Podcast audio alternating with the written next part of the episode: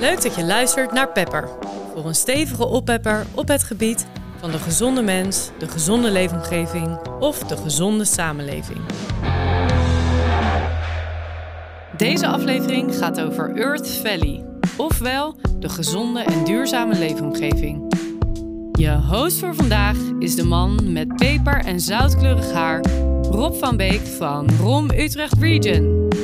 Welkom bij de nieuwe Pepper vanuit Studio Connect met naast mij zoals altijd Jos Hummelen, mijn collega. Dag Rob. Hi Jos.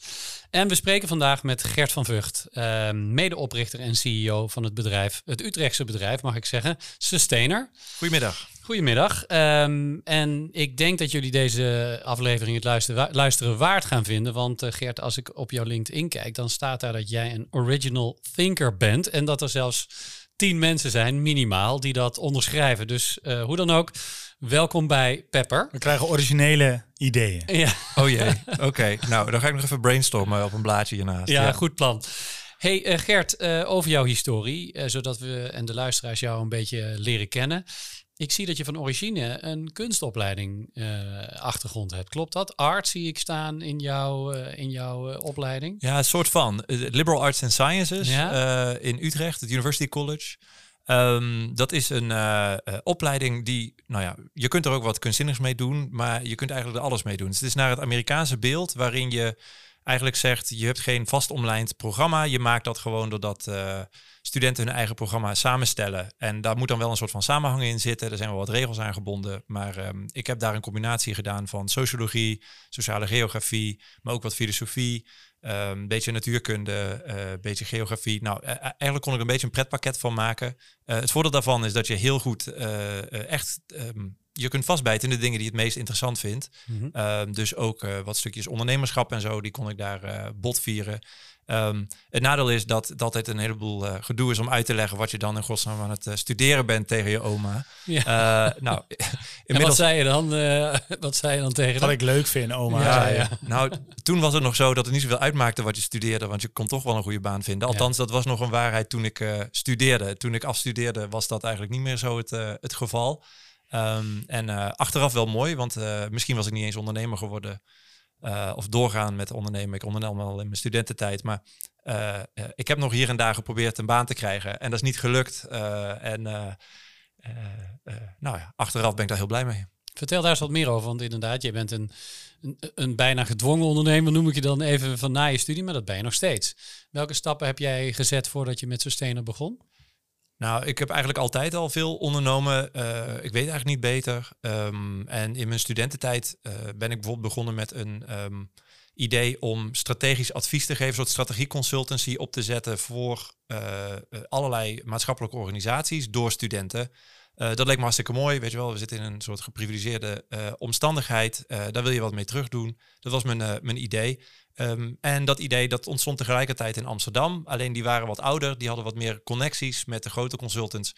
Dus die vroegen of ik geen franchise-nemer van Utrecht wilde worden. Nou, zo, zegt, zo gedaan. Dus ik ben de oprichter van de kleine consultant Utrecht.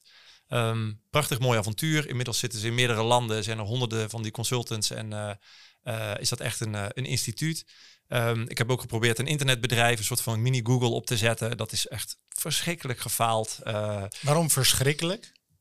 Ja, we hebben 400 euro omzet uh, gemaakt, uh, denk ik ermee, in het verkopen van webdomeintjes die we dan dachten heel duur te verkopen, maar dat viel vies tegen. en, um, was, je, was dat een kwestie van te laat of waar zat dat in? Mm, ik weet niet.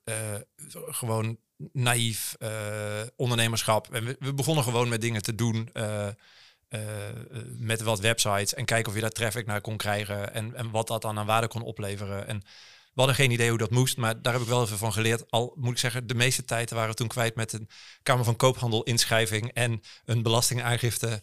Een btw-aangifte voor 400 euro. Die nou ja, dat, dat leverde helemaal niks op, behalve dan gewoon heel veel tijd over hoe dat in godsnaam werkt. En uh, dus die kant van ondernemerschap leren we wel snel. Um, Jij hebt dat soort dingen toch ook gedaan, Rob? Ja, ja dat is een goede vraag. ik wist dat je daarmee zou komen.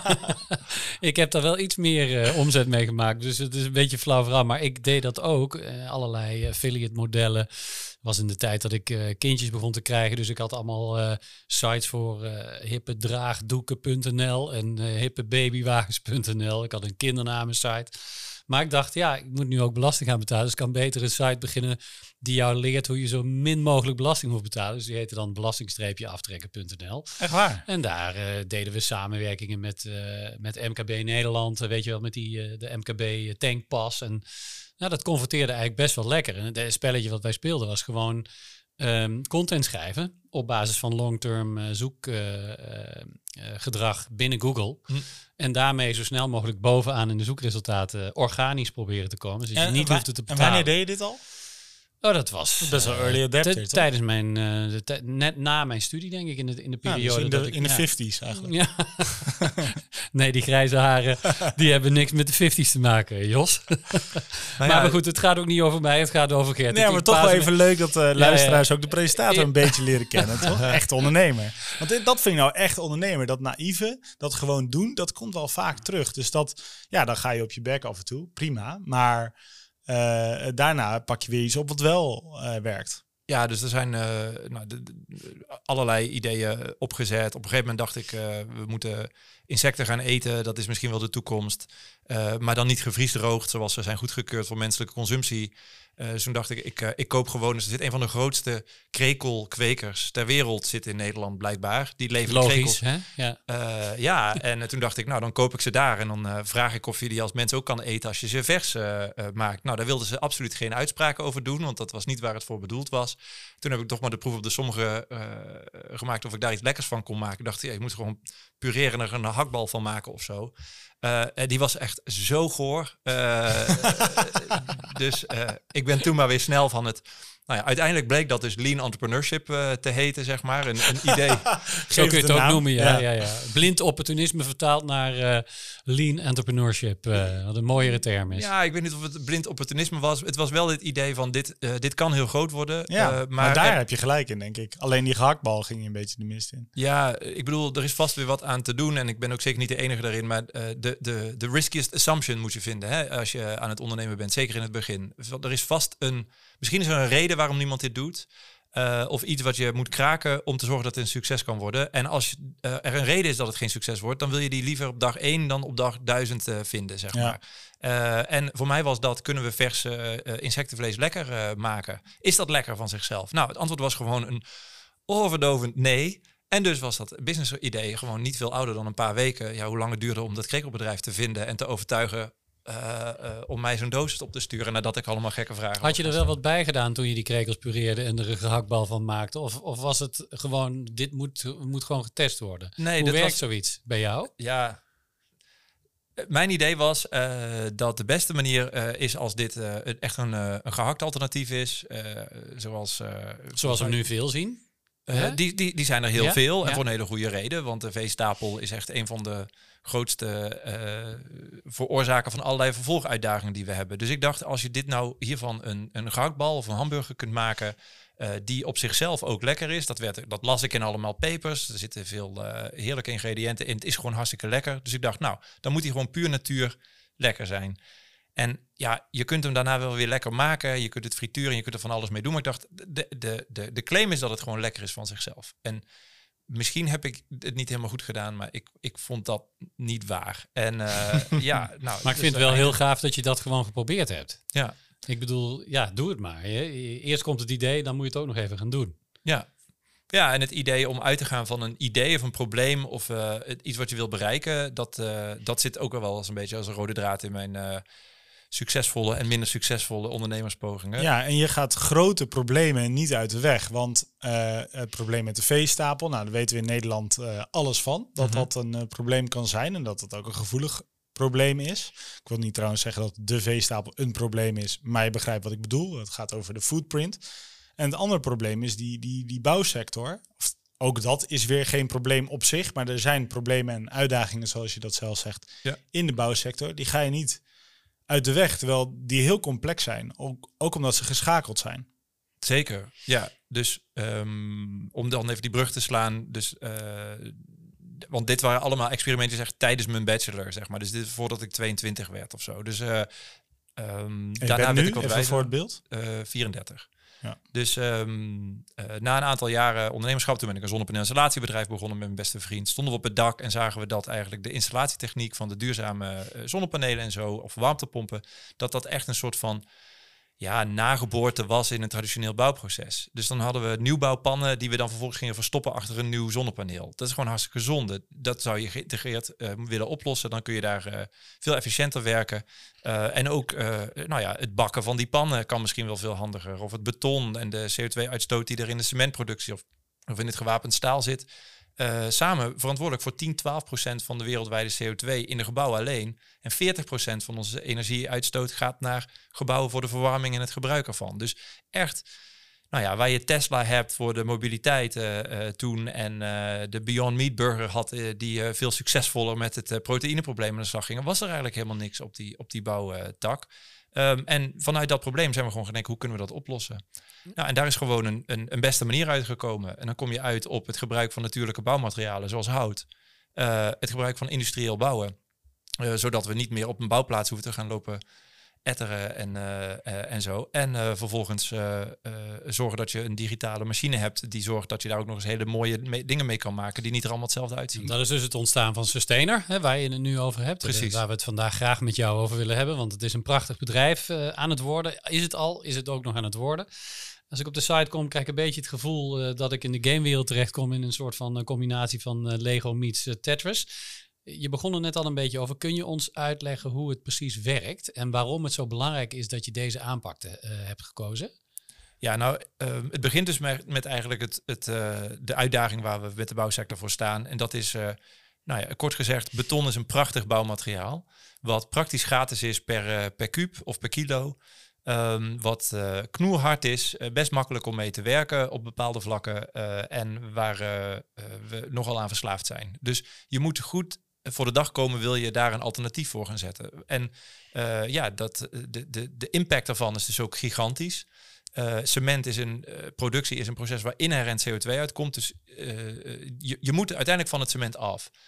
Um, en de wapening die erbij komt is dan ook nog eens echt heel heftig. dus om dat op te lossen moet je van goede huizen komen. En wat wij eigenlijk dachten is, dan moeten we een aantal oplossingen die er verder in de bouw zijn, problemen, die moeten we tegelijkertijd oplossen. Dus het begint met een nieuw materiaal. En dat materiaal dat leent zich eigenlijk heel goed om industrieel mee te bouwen. En voor ons was eigenlijk Lego gewoon de inspiratie. Of Duplo of uh, de, iets nou, met dan, een blokkendoos. Dan, dan klopt uh, die indruk die je ja, kreeg Ik vind dat wel. heel cool. Als ik op zo'n site kom, raak ik geïnspireerd. Omdat ik denk, hey, alleen al de vormgeving van die webomgeving daagt mij al uit om, om na te denken waarom dat zo is. Ja. Nou, het is niet helemaal toevallig dat we dus de, de letters van ons logo bestaan uit blokjes, uh, zoals uh, omdat je alles uit blokjes kunt maken, zeg maar.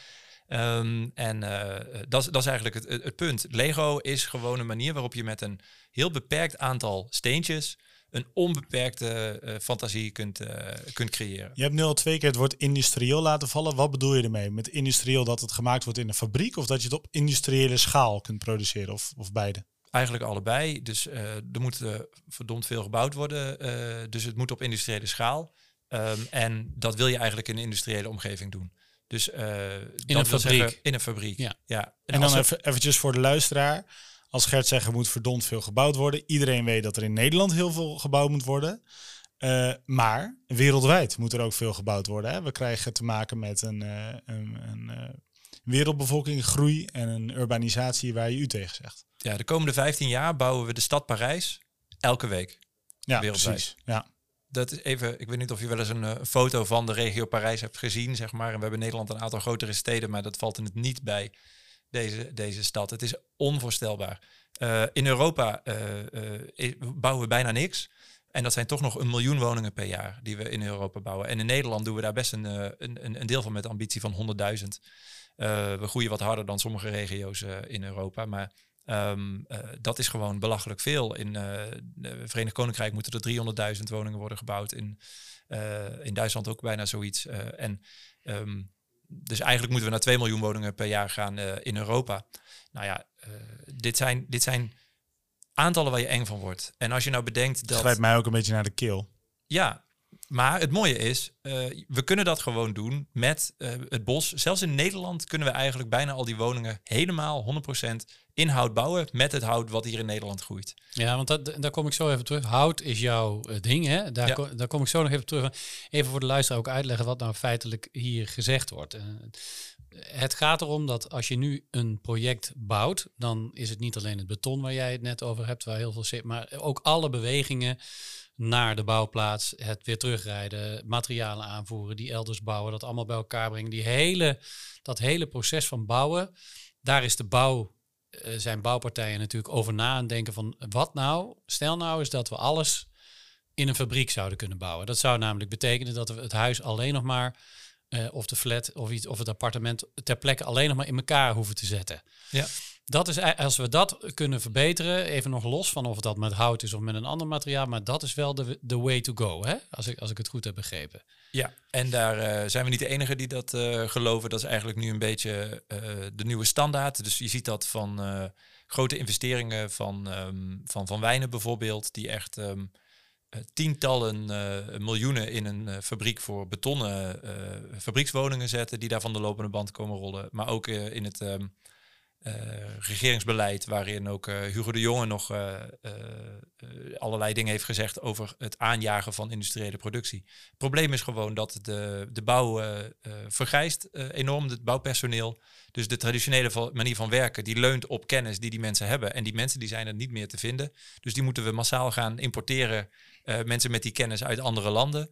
Ehm, eh, maar dat, eh, eh, nou, dat, dat, heeft weer allemaal problemen op zichzelf. En ook dan zijn ze er eigenlijk niet. Ehm, en de bouw is veel complexer geworden. Dus als je kijkt naar de verduurzaming die nodig is, de energieprijzen zijn gestegen, dus je wil beter isoleren, je wil luchtdicht bouwen, je wil ehm, eh, betere kwaliteitseisen, we willen geen gebouwen die gaan instorten. Maar binnenstedelijk zijn er steeds meer mensen die er iets van hebben te zeggen. Dus het moet ook nog eens met meer architectuur, maatwerkmogelijkheden zijn. Ehm, dus al die complexiteiten die stapelen op. En het, eh, eh, alles wat beton zo mooi materiaal maakte op de conventionele manier. met het gieten van dat materiaal op de bouwplaats. Dat gaat gewoon niet meer gebeuren. Dat, dat kan niet meer uit. En dan gaan we even terug naar Sustainer. Wat, wat gebeurt daar nou allemaal waardoor dit in één keer eh, lekker draait en waardoor dit makkelijker wordt? Nou, En eh, hoe werkt dat dan? Even voor mij als leek. Ja. Ik doe net of ik een helemaal leek ben. Nou ja, ehm, hoe ik het eigenlijk zie is, als je naar een, een gebouw kijkt, eh, dan kun je dat eh, eh, in principe eh, op meerdere manieren opbouwen. En wij denken dat de beste manier om dat te doen is om dat op te delen uit dus een soort Lego-blokjes. Een Lego-blokje is ongeveer de grootte van een bestelbusje, eh, zeg maar, met eh, vier kolommen op de hoeken. En voor de rest in theorie gewoon open. Daarmee kun je er eigenlijk allerlei verschillende eh, woningtypes van maken. Ehm, en kun je ze op, op, op oneindig veel manieren eh, verbinden. Dus hetzelfde blokje, als het ware, wordt eh, de ene keer in een eh, rijwoning gezet, dan weer in een appartement, dan weer in een villa, dan weer in een starterswoning, dan weer in een seniorenwoning. Dus eh, al die verschillende types woningen, die bouw je in principe met dezelfde types Lego En steentjes die op. bouw je prefab. En die maak je prefab uit een soort IKEA bouwpakket. En dat bouwpakket dat assembleer je in een assemblagehal tot dus eh, zo'n zo'n module, een, een, een Lego blokje. En die zet je eigenlijk in ongeveer een kwartier de een op de andere op de bouwplaats. Waarmee je in eh, een dag meerdere woningen kunt, eh, kunt neerzetten. Dus Inclusief de inrichting. eh, eigenlijk helemaal compleet. Ja, de, op de rand van die blokjes, als je een woonkamer maakt, bestaat die vaak uit twee blokjes. Dus dan heb je ergens je, je afdekvloer, die, daar wil je geen naad, dus die doe je op locatie. En nog een soort schilderlaagje aan de binnenkant. Eh, en het, eh, je stekkert de elektriciteit door. Je koppelt eh, de, de riolering door met een koppelstuk, dat is wel belangrijk. Je ventilatie, die is al gekoppeld, want die, die, die komt zo strakker tegenaan dat de lucht daar gewoon doorheen stroomt. Ehm, eh, dus ehm, een aantal kleine stappen op locatie en je bent Ja, helemaal dus, gereed. dus, dus prefab betekent helemaal niet dat het er allemaal hetzelfde uitziet. Nee, dat is dus eh, eh, een van de andere dingen die wel heel moeilijk te tackelen zijn. Als we allemaal dit blokje echt identiek maken, dan krijg je eenheidsworst. En dat is best wel heel ehm, hardnekkig eh, vooroordeel wat mensen hebben uit de, de, de unitbouw uit de, van Weleer. Ehm, Ja, die, die hebben zo het gevoel dat dat hele huisje zo uit de, van, van de lopende band komt gerold. En dat je die naast elkaar plaatst. En dat is een gruwel voor veel Nederlanders. Alleen maar dezelfde rijtjes, huizen, eindeloos. Ja, wat wel grappig is, want uh, dat kennen we van de Phoenix-wijken natuurlijk, die helemaal niet industrieel, of nou ja, op een bepaalde manier industrieel gemaakt zijn, maar die werden wel op, locatie uh, gebouwd. Die kwamen niet uit de fabriek. dus, dus het grappige dat je dan zegt, wanneer het uit de fabriek komt, dan willen we, krijg je het Phoenix-effect. Dat is heel gekke gevolgtrekking. maar er zit wel wat in. Dingen die vaak uit de fabriek komen, zijn vaak heel erg hetzelfde. Auto's, mobieltjes, uh, schoenen, zeg maar, die, uh, daar zit weinig maatwerk in. Um, en als je gaat kijken, de, de maatwerkvraag op massale schaal, massa maatwerk of mass customization, um, dat is echt een van de belangrijkste noten die je moet kunnen kraken om dat industrieel bouwen uh, goed te kunnen doen, maar te zorgen dat eigenlijk elke woning toch gewoon uniek is. Ja, je doet het nu in 30 gemeentes, maar die hebben denk ik allemaal eigen wensen op de manier waarop ze bouw in hun gemeente willen aanpakken. Hoe, of, of heb ik dat verkeerd begrepen? Nee, zeker. zeker. Sterker nog, uh, 30 gemeentes waar dat nu uh, ruim, misschien zitten we inmiddels tegen de 50, waar, waar nu uh, woningen met ons systeem staan. maar inmiddels gaan er gewoon elke, elke paar weken gaan er weer nieuwe projecten de deur uit. We zitten nu op ongeveer een woning per dag aan, aan schaal. dus het gaat nu heel hard. Ja, maar wat, wat leveren jullie dan concreet? Want je levert niet die woning, je levert geen materiaal, je levert de software. Ja, dus om het verhaal kort af te maken, is die, die Lego-steentjes, uh, die wil je in projecten toepassen. Uh, en die projecten die moeten allemaal, of zelfs die, al die woningen moeten eigenlijk net allemaal anders zijn. En dat betekent dat je dus dat massa-maatwerk moet kunnen managen. En daar is, uh, komt software bij kijken. en um, moet je heel goed nadenken over je systeem. Want als je niet uitkijkt, dan is twee derde van je team is aan het ingenieur, ingenieur de hele tijd om al dat maatwerk erin te zetten. En alles loopt helemaal de spuigaten uit van complexiteit en het wordt er weer duurder van. Um, dus dat proberen wij te tackelen. Uh, maar dat is echt een, een hele technologisch, hele ingewikkelde vraag. Ja, want ik neem aan dat de tekening die jij maakt, die moet weer aangesloten zijn op het productieproces bij je partners. Nee. Precies, ja. ja. En daarom hebben wij gezegd, wij willen niet onze eigen fabriek, want dan gaan wij dit uitvinden van onze eigen fabriek. En dan gaat de fabriek van de buren, die gaat dan weer hun eigen systeem uitvinden. En iedereen die uh, vindt het wiel opnieuw uit, uh, begint weer opnieuw. En dan zit er maar zoveel efficiëntie die je kunt hebben. En dan krijg je dat eigenlijk, misschien elk van die fabrieken net een andere variant heeft, maar die gaan dan toch weer neigen naar dezelfde type woningen. Dus dan is dat eenheidsworst ding toch nog een beetje waar. En uh, wat wij hebben gezegd is, wij gaan dus zelf geen fabriek starten. Wij gaan dit leveren als een digitale tekening aan andere fabrieken, zodat die ermee kunnen werken. En de grootste fabriek waar we nu mee werken is de fabriek van TBI. Dat is een, uh, het vierde grootste bouwbedrijf van Nederland. Die zijn een fabriek begonnen en wij leveren de, de tekeningen waar die fabriek op draait. Dus zij verkopen de modules, de Lego-stenen en de projecten. Um, en, en wij verkopen een tekening aan hen. Maar daarmee kunnen zij dus de hele inkoop, de hele planning, de, uh, kunnen ze eigenlijk alles zo uh, uitrollen. Daarmee heb je in ieder geval één stuk van de keten alweer verbonden met de software die jullie uh, ontwikkelen. -hmm. hoe, hoe, hoe, kijk eens een, je kijkt je richting de toekomst. Digi, DigiC is een programma wat onder ja. het Valley draait vanuit, vanuit de ROM. daar zijn jullie onderdeel, daar doen jullie aan mee, noem ja. ik het maar ja. eventjes zo. Eh, dat, dat is een samenwerking van bedrijven die allemaal met de digitalisering van de circulaire bouwomgeving uh, bezig zijn. Wat, welke stappen moeten er nog meer gezet worden met elkaar? Zodat we straks niet nog steeds allerlei andere dingen aan het doen zijn. Ja, ik denk dat een van de belangrijkste daarvoor is dat, um, uh, dat er eigenlijk gewoon adoptie moet komen van een aantal van deze systemen die breder zijn dan één partij. Uh, en er zijn heel weinig systemen die nu door meerdere partijen kunnen worden ingezet. Dus wij willen heel graag daar een soort standaard in zetten. Um, er zullen vast wel meer partijen komen die zo'n standaard uh, uh, willen en kunnen zetten. Um, maar eigenlijk betekent het dat veel van deze partijen, leveranciers, projectontwikkelaars, architecten en, en bouwers, ja, die moeten gewoon stoppen met allemaal hun eigen ding willen, willen doen. Um, en uh, in een standaard stappen. Nou, die, moet, die, moeten gewoon stoppen. Daar zeg je denk ik al precies waar de grote bottlenecks zitten, of niet? Hoe ga je dat voor elkaar krijgen, Geert? Nou, ja. uh, uiteindelijk is als, uh, als je een nieuw systeem verzint en je doet het een keer zelf, dan is het heel moeilijk om concurrerend te zijn. Want het is gewoon hartstikke moeilijk om dit uh, te zorgen dat je hiermee efficiëntievoordelen krijgt. Dus digitalisering en industrieel bouwen is allemaal leuk, maar als je elke keer op elk eerste project je hele fabriek moet gaan terugverdienen, dan ga je nooit uh, uh, winnen. Dus um, het feit dat wij hier al acht jaar mee bezig zijn, dat we in alle grote gemeentes, dat ze er ervaring mee hebben, Uh, en dat wij uh, uh, nou, tot 15 hoog dit kunnen doen. Dat er, we hebben hele gebouwen in de fik gezet om te laten zien dat de brandveiligheid getest is. Ja, het is gewoon heel kostbaar om dat level van bewijs te, te krijgen. En we zijn gewoon goedkoper. Dus dat kunnen we ook gewoon inmiddels goed laten zien. En daarmee zien we dat het steeds makkelijker wordt om nieuwe partijen ermee samen te laten werken. Dus vooral zit dat nu eigenlijk aan nieuwe projecten. Dus als er projectontwikkelaars zijn die denken ik wil heel graag ook duurzaam bouwen zonder dat het duurder is dan uh, traditionele bouw. Uh, ja, dan moeten, ze, dan moeten ze aankloppen. Dan laten we zien dat dat kan. Ja, geweldig. Ja, dan ga ik intussen gaan we even een stukje doen wat wij altijd doen tijdens, deze, tijdens de Pepper. En dat is Pep Talk. En dat betekent dat er een start-up zichzelf even in onze uitzending mag presenteren. Betekent Gert dat jij en ik daar even en, en Jos even naar gaan luisteren. We gaan zo Sander Reuderink horen, CEO van Carbol. Nou, uh, Jos, uh, take it away. Het is tijd voor Pep Talk. In deze rubriek geven start-ups hun oplossing voor een maatschappelijk vraagstuk binnen één minuut. De tijd gaat nu in. Nederland heeft net als alle andere landen in de Verenigde Naties het Parijsakkoord ondertekend. Daarmee hebben we ons gecommitteerd aan een emissievrije planeet in 2050. Een van de belangrijkste bronnen van CO2-emissies is ontbossing die voornamelijk ontstaat door de industriële teelt van gewassen zoals koffie, cacao, soja enzovoort. Ontbossing veroorzaakt 5 gigaton aan CO2-emissies per jaar. Dat is vijf keer zoveel als de hele luchtvaartsector.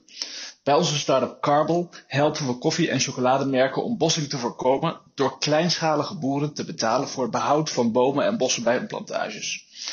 Zo werkt de hele waardeketen mee aan het behalen van de doelen van het Parijsakkoord.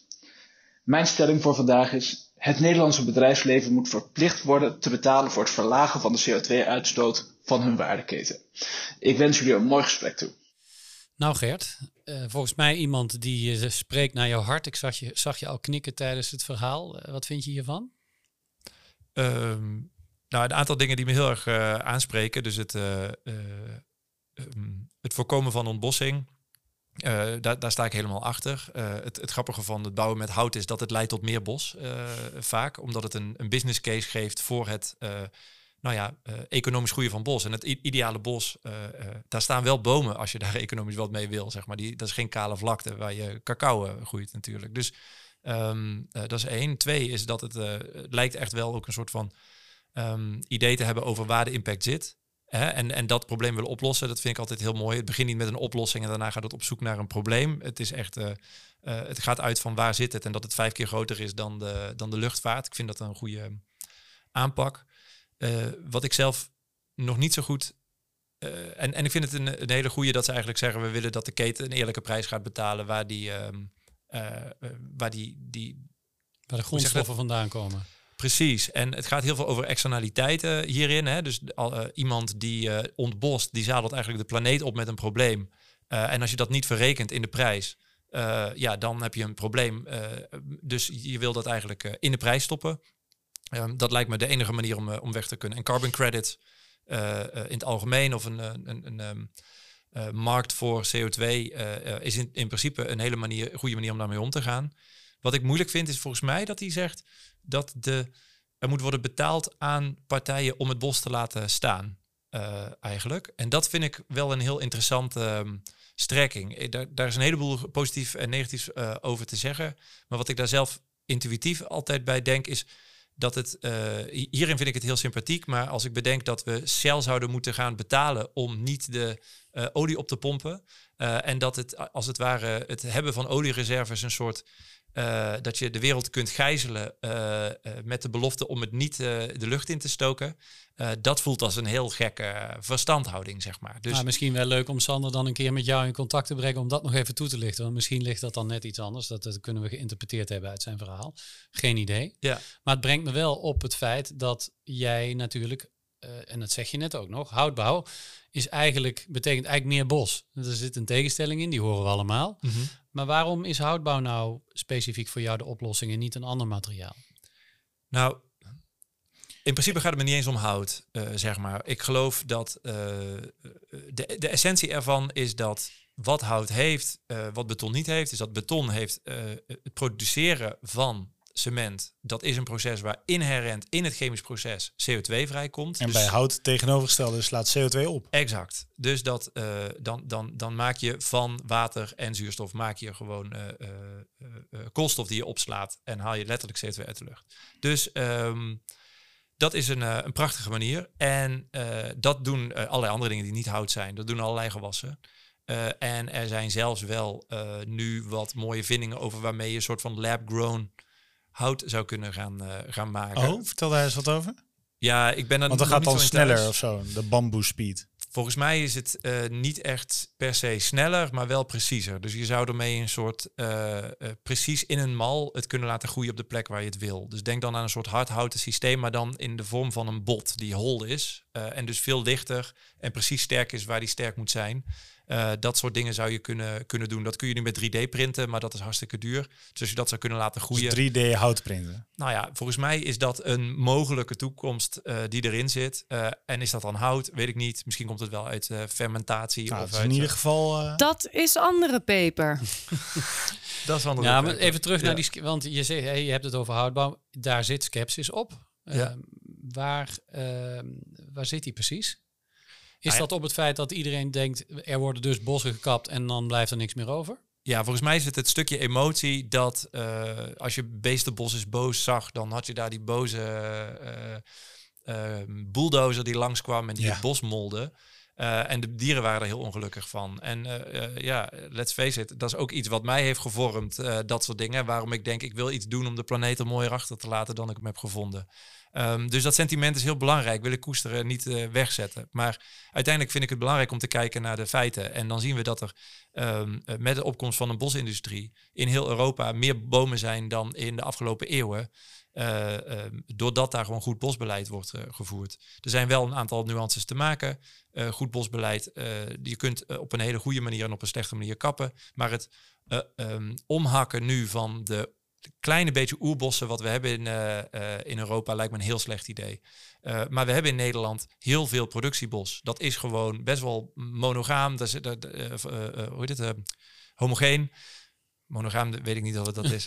Eh, Geen idee of eh, bomen monogaam zijn. eh, Ze staan wel allemaal door elkaar. Dus ik het denk lijkt dat er heel weinig Ja. monogaam zijn, eerlijk gezegd. Maar eh afijn, die, er is heel veel productiebos en daar niks mee doen is eigenlijk zonde. Op het moment dat je dat gebruikt voor de productie, ja, dan kun je zelfs hele interessante dingen gaan doen. Zoals zorgen dat je daar ook verschillende boomsoorten in gaat zetten, meer natuurwaarde gaat combineren. Maar als je dat eens goed doet, dan krijg je gewoon een... een als er een, een waardestroom is wat je met dat bos kan doen, dan, dan groeit die 40 jaar. eh, en na 40 jaar wordt die ooit hout. Maar de eerste 40 jaar is hij misschien wel deel van een prachtig wandelgebied of een mountainbikegebied. Of, Gaat eh, dat stukje snel, snel genoeg? Die, ik heb eigenlijk twee vragen, sorry, want dat mag Ja. eigenlijk niet officieel, hè? Twee vragen. Maar eh, A, gaat het snel genoeg? Dat zullen heel veel mensen zich afvragen, dus die, dat antwoord weet je. En B, eh, kan je met alle soorten hout bouwen? Eh, of zitten er ook bomen tussen de berk of zo, ik noem maar wat, waar je precies niks mee kan? Wat niet erg hoeft te zijn, want voor de biodiversiteit in het bos is het misschien heel goed. Nou, de grap is dat we heel veel berkenhout gebruiken eigenlijk in de bouw. Dus wij, wij zeggen eh, eh, allereerst, ehm, je moet gewoon hier super pragmatisch eh, ehm, in zijn. vanuit de idealen. En dat betekent dat we dus eigenlijk alleen maar vers hout gebruiken waar mogelijk. Waar mogelijk gebruiken we resthout. Dus eh, MDF of spaanplaat of dingen die eigenlijk uit reststromen van de massiefhoutbouw eh, komen. Ehm, als je een boom verzaagt, dan heb je mazzel als je daar 50% eh, echt fijn gezaagd hout uit krijgt. De rest zijn eigenlijk chips en zaagsel. Daar kun je ook plaatmateriaal van maken. Ik zie dat ook als hout. Daar kun je ook mee bouwen. Je- Kortom, antwoord op vraag 2 is, alle hout kun je gebruiken. je kunt eigenlijk alle hout wel gebruiken. Ehm, eh, en eh, berken is daar een heel goed voorbeeld van. Dat, dat is eh, hartstikke hard eh, en zwaar. Daar kun je hele goede constructieve platen van maken. Ehm, voor de rest gaat het snel genoeg. Ja, ik denk dat een van de belangrijkste dingen is nu... er wordt echt ruim genoeg hout gekapt in Europa... waarmee we de hele bouw in hout kunnen doen. Eh, alleen het gaat nu heel grotendeels in een bio... eh, eh, wordt als biobrandstof in de fik gestoken. En dat is echt verschrikkelijk jammer. Er gaan hele bomen gewoon versnipperaars Dat is in. echt een doorn in je oog, zo te zien. Ja, zeker. Dat is gewoon hartstikke zonde. Je kunt dat waardevol, ve- veel waardevoller inzetten. En dan staat het gewoon 100, 200, 300 jaar. slaat het dat CO2 op in een plek waar het niemand in de weg zit. En een hartstikke mooie functie heeft in ons leven. die ook nog eens gezonder is uh, en prettiger om in te wonen dan een betonnen huis. Ja, omdat Dus- het ook nog eens meer ademt, kan ik me voorstellen. ja, het heeft een betere vochtbalans. eh, eh, mensen voelen zich prettiger in een houten huis. Er is een soort X-factor, je ne sais quoi, eh, die eh, mensen zeggen, die allemaal rapporteren dat ze het fijn vinden voelen. En dan, dan kunnen ze niet eens onder woorden brengen wat dat is. Nou ik ja, heb wel eens omdat- in een hotelkamer in Oostenrijk gelegen, waarvan het hotel zei dat. Dankjewel, Jos. waarvan het hotel zei dat het type hout dat ze hadden gebruikt in de kamer, als je daar een week zou slapen, zorgde dat je hartslag tijdens slaap lager werd. En je dus beter tot rust zou komen. Nee. Nou, En, heb je het gemeten? Ik heb het niet Met je eh, gemerkt. Je bent er gewoon ingetrapt. Het zal wel aan mijn eh, eigen energie te, eh, gelegen hebben. Maar dat even als anekdote tussendoor. Hey Gert, nog even terug naar DigiC. Want je bent daar onderdeel van. Ja. Programma waar heel veel partijen samenwerken om die, ook die digitaliseringsslag te maken in de, in de bouwomgeving. En wat is voor jullie nou het belangrijkste, de belangrijkste reden om daar onderdeel van te zijn? Wat zie je daar gebeuren?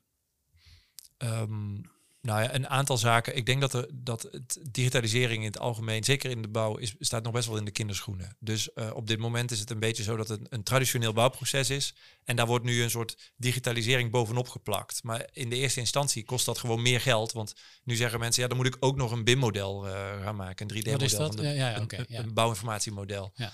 Eh, en als niemand daar wat mee doet, dan is dat alleen maar een extra kostenpost en extra gedoe.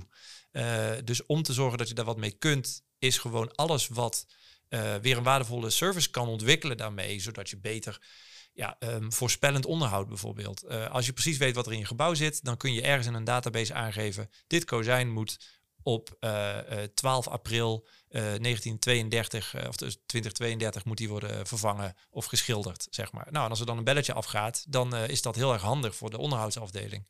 Ehm, en dat soort type services, hoe meer die er zijn, hoe meer waarde er komt in die digitale modellen. En eh, dan versterkt het elkaar heel erg. Dus dit is allemaal kip-ei eh, daarin. Dus die, dus die integratie van IoT, eh, eh, het, de digitalisering van alles wat er straks in die bouw ook zit, het zelf signalen kunnen geven wanneer de vervanging nodig is of onderhoud nodig is, dat is een stap die jullie nu aan het maken zijn vanuit DigiC.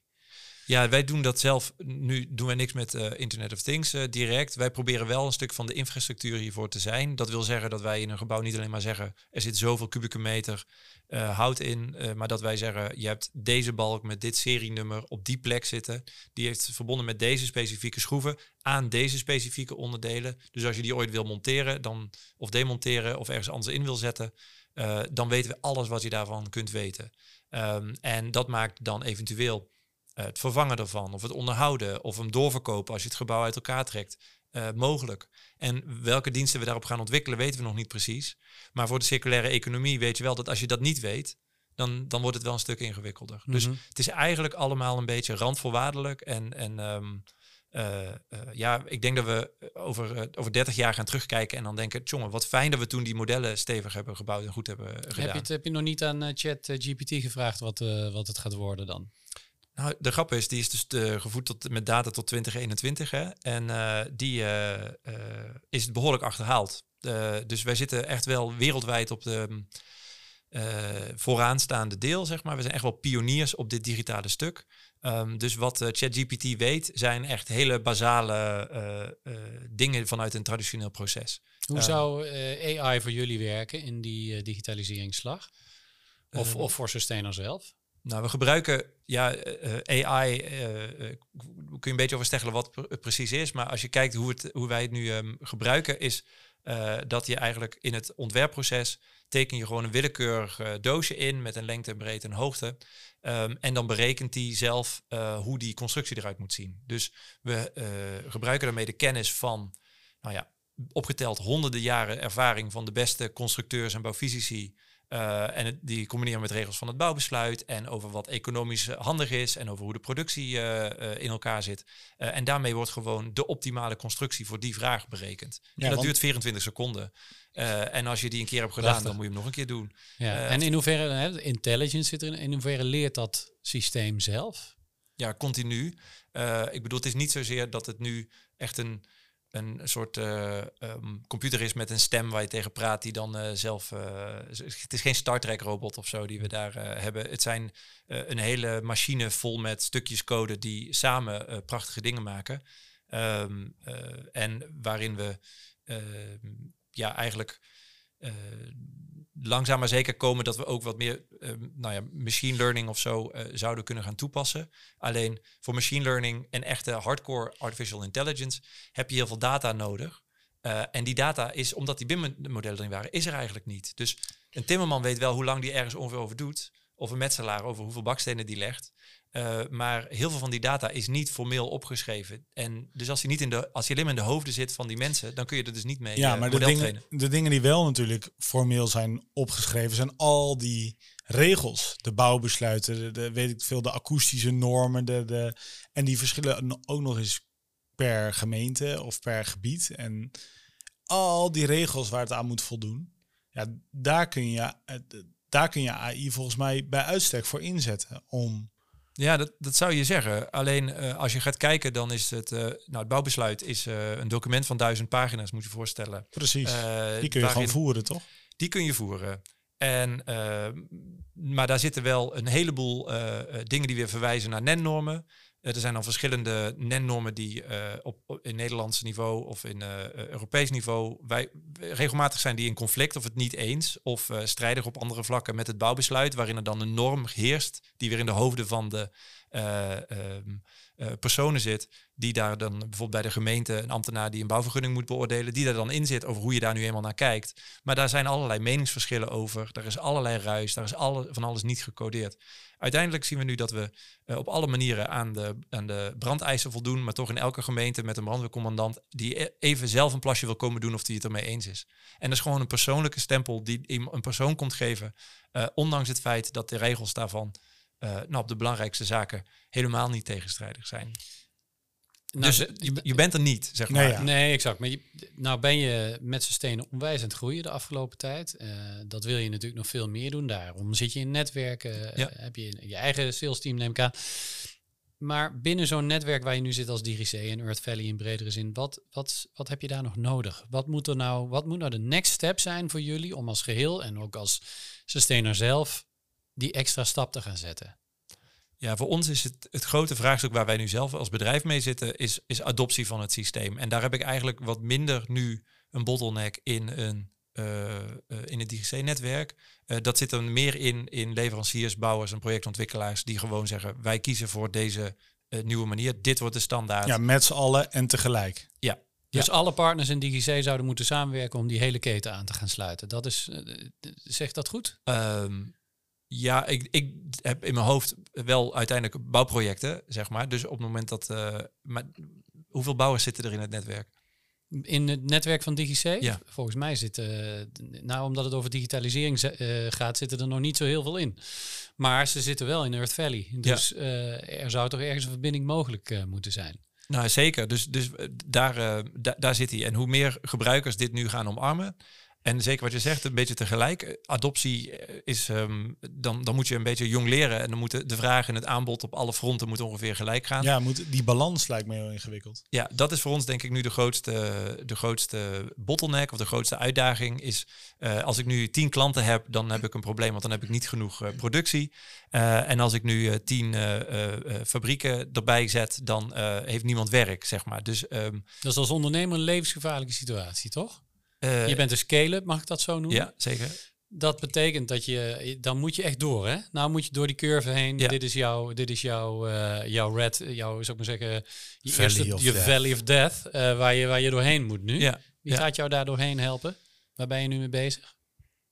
Um, nou, vooral met uh, uh, een aantal partijen waarvan ik, de, de, ik, om te beginnen, niet met tien uh, verschillende projectontwikkelaars voor morgen en niet met tien fabrieken tegelijk, maar met een aantal waarvan ik denk, die, hebben, die begrijpen echt wat het is. Met dus echt goede klanten die er echt in geloven en die het snappen. En daarmee stap voor stap opschalen. en ja, dat moet je niet te snel weten, willen doen. Um, um, en vooral heel goed, zodat iedereen terugkomt en het netwerk steeds robuuster wordt. Maar dit is niet iets voor de, voor de korte klap. We zijn hier nog tien jaar mee bezig, voordat dit een vliegwiel is wat echt op Europese schaal Mhm. draait. Zou de regionale ontwikkelingsmaatschappij daarin iets kunnen betekenen? Um, ja, een goede vraag. Ik denk dat uh, hierin een aantal dingen die wij doen, die sluiten gewoon haafijn uh, aan bij de ambities die een provincie of een gemeente of de Nederlandse staat eh, eigenlijk heeft. Dus dat betekent in goed opdrachtgeverschap, in de projectontwikkeling van vastgoed die daarin zit, om daarmee gewoon de goede eisen te stellen, dat helpt enorm. Zeg maar. Meer vragen is altijd goed. En zeker als daarin ook gewoon de juiste eisen worden gesteld over verduurzaming en over slimmer werken en over niet in een proces wat, wat achter ons ligt. Dus dat is iets wat, wat sowieso kan. Maar voor de rest, we hebben geen directe financieringsbehoefte op dit moment. We hebben geen groot personeelstekort. we hebben zo in die automatisering geïnvesteerd dat wij in principe tien keer meer eigen engineering kunnen doen vanuit die geautomatiseerde machine, zonder dat dat um, met, met één of twee extra mensen. Ik denk dat er veel bedrijven jaloers op je zijn geen, personeel, geen personeel nodig, geen financiering nodig. Ziet er, ziet er rooskleurig voor je uit. Dat, daar ben ik heel blij om. Uh, dat kunnen we natuurlijk iedere ondernemer. Um, mag ik je dan vragen, als je dit netwerk zou willen versterken, welke partij zou je graag willen uitnodigen die er nog niet in zit? Waarvan je zegt, hé hey jongens, doe je ogen eens open, kijk eens wat hier gebeurt. Ja, hmm, even denken welke. Oh, er is niemand die hier echt helemaal zijn ogen uh, voor heeft gesloten.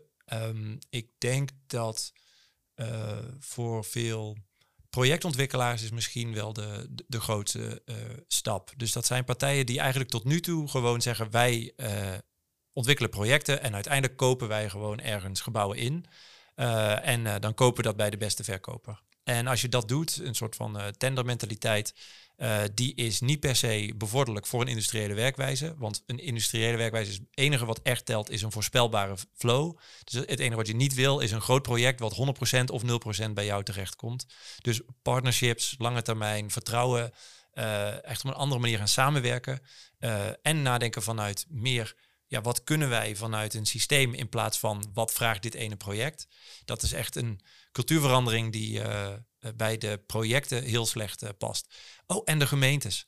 Um, want als je kijkt naar uh, gebiedsontwikkelingen, dan wordt daarin eigenlijk nu het idee, dan wordt het echt nog als een soort van vloeken gezien dat je binnen een systeem of binnen een industriële methodiek ook kwaliteit kunt maken.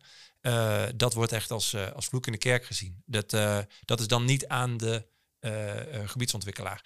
is een beetje chargeren. Er zijn er een heleboel die dat wel goed begrijpen. Maar um, het gebeurt nog echt vaak dat wij vijf centimeter extra hoogte nodig hebben in een verdieping.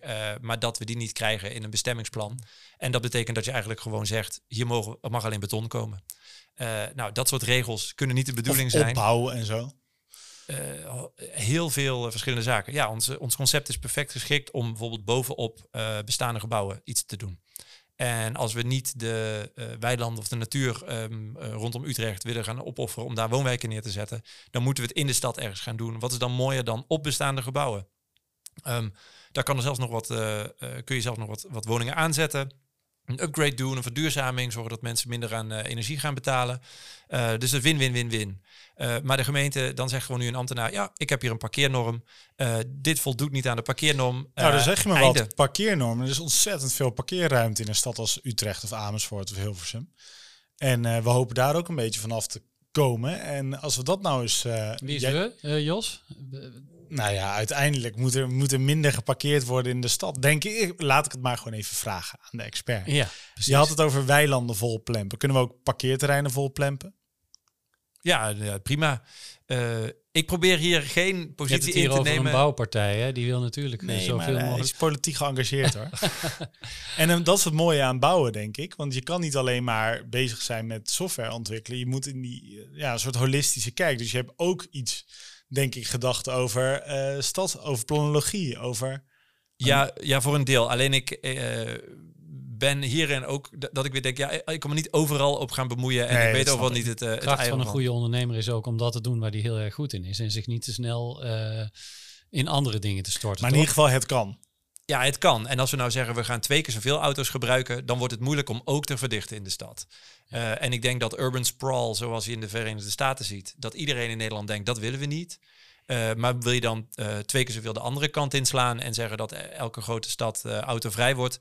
Ja, ik, dat vind ik niet per se aan mij om te zeggen. Ik, ik, maar ik denk dat als je dat zou doen, dat je dan uh, zomaar een derde van de stadsoppervlak, geloof ik, uh, is, uh, is, dat is voor wegen en zo. Dus als je eh, we, we zouden zomaar eh, eh, honderdduizend mensen in de stad kwijt kunnen als er geen auto's zouden zijn. Nou, ik denk niet dat dat de beste oplossing is, maar Het is in ieder geval een interessante gedachte om eens een oefening op te doen. met elkaar. precies, precies. Digital twinning kan daarin helpen. Zit eh, Ja. een heel traject voor binnen Earth Valley waar, eh, waar daarnaar gekeken wordt. Dus misschien is het mooi om dat eens een keer samen te brengen met die, die is digitalisering. Om dat samen te brengen met wat er binnen DigiC en binnen jouw organisatie gebeurt. Zeker, zeker. Dus je, je, naarmate je beter weet ook wat er in die stad precies eh, bevindt en je hebt dat digitaal helder voor ogen, ehm, dan wordt het veel makkelijker om hierin ja, gewoon te gaan doormeten welke scenario's die werken.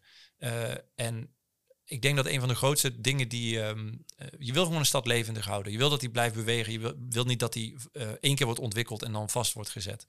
Ehm, en, eh, maar het is wel moeilijk om dan gewoon te zorgen dat je de juiste stappen eerst zet en, de juiste richting in ontwikkelt. En als je eenmaal ergens iets gaat ontwikkelen, ja, dan wordt er jaren gebouwd, dan is er verkeersoverlast en dan is het niet meer zo snel daarna gewijzigd. Dus ik denk dat allerlei digitale tools heel erg helpen om te zorgen dat je in één keer iets goeds neerzet. Ja, ik, zie, ik, ik- zie, Sorry, wat ik zie dankzij onze original thinker in Nederland vormen waar weilanden worden verplaatst, eh, vervangen met bossen en parkeerterreinen worden vervangen met huizen, houten huizen erop. Nou, wat ik in ieder geval tegenover me heb zitten, is een ondernemer die eh, de stap heeft gemaakt van het ontwikkelen van gehaktballen van ins- insecten die niet te eten waren, naar een super succesvol eh, bedrijf wat volgens mij een waanzinnig mooie visie heeft op hoe we de bouw zouden kunnen verduurzamen en ook nog hoe de digitalisering daar een eh, prachtige rol in speelt. Dus Gert, ehm, mag ik jou bedanken voor jouw eh, mooie uitleg en, en, eh, en, en visie op hoe we hier met z'n allen mee, mee om moeten gaan. Graag gedaan. En daarmee bedank ik ook alle luisteraars weer voor het luisteren naar deze nieuwe aflevering van Pepper. En mocht je trouwens ehm, eh, ons willen volgen, haak dan even aan op ons LinkedIn-profiel van, eh, van de ROM. Want ook daar zullen wij alle podcasts die we opnemen aankondigen en posten. Dus dan blijf je mooi op de hoogte van wat andere prachtige ondernemers in onze mooie regio eh, doen. Tot zover voor nu. Tot de volgende. Smaakt dit naar meer? Volg Pepper als je de smaakmakers wilt horen op het gebied van de gezonde mens, de gezonde leefomgeving of de gezonde samenleving. En raad deze podcast aan bij de ondernemer in je buurt. Pepper wordt mogelijk gemaakt door Startup Utrecht Region, Dotslash Utrecht, Utrecht Inc., Economic Board Utrecht en ROM Utrecht Region. Groei door met ROM Utrecht Region.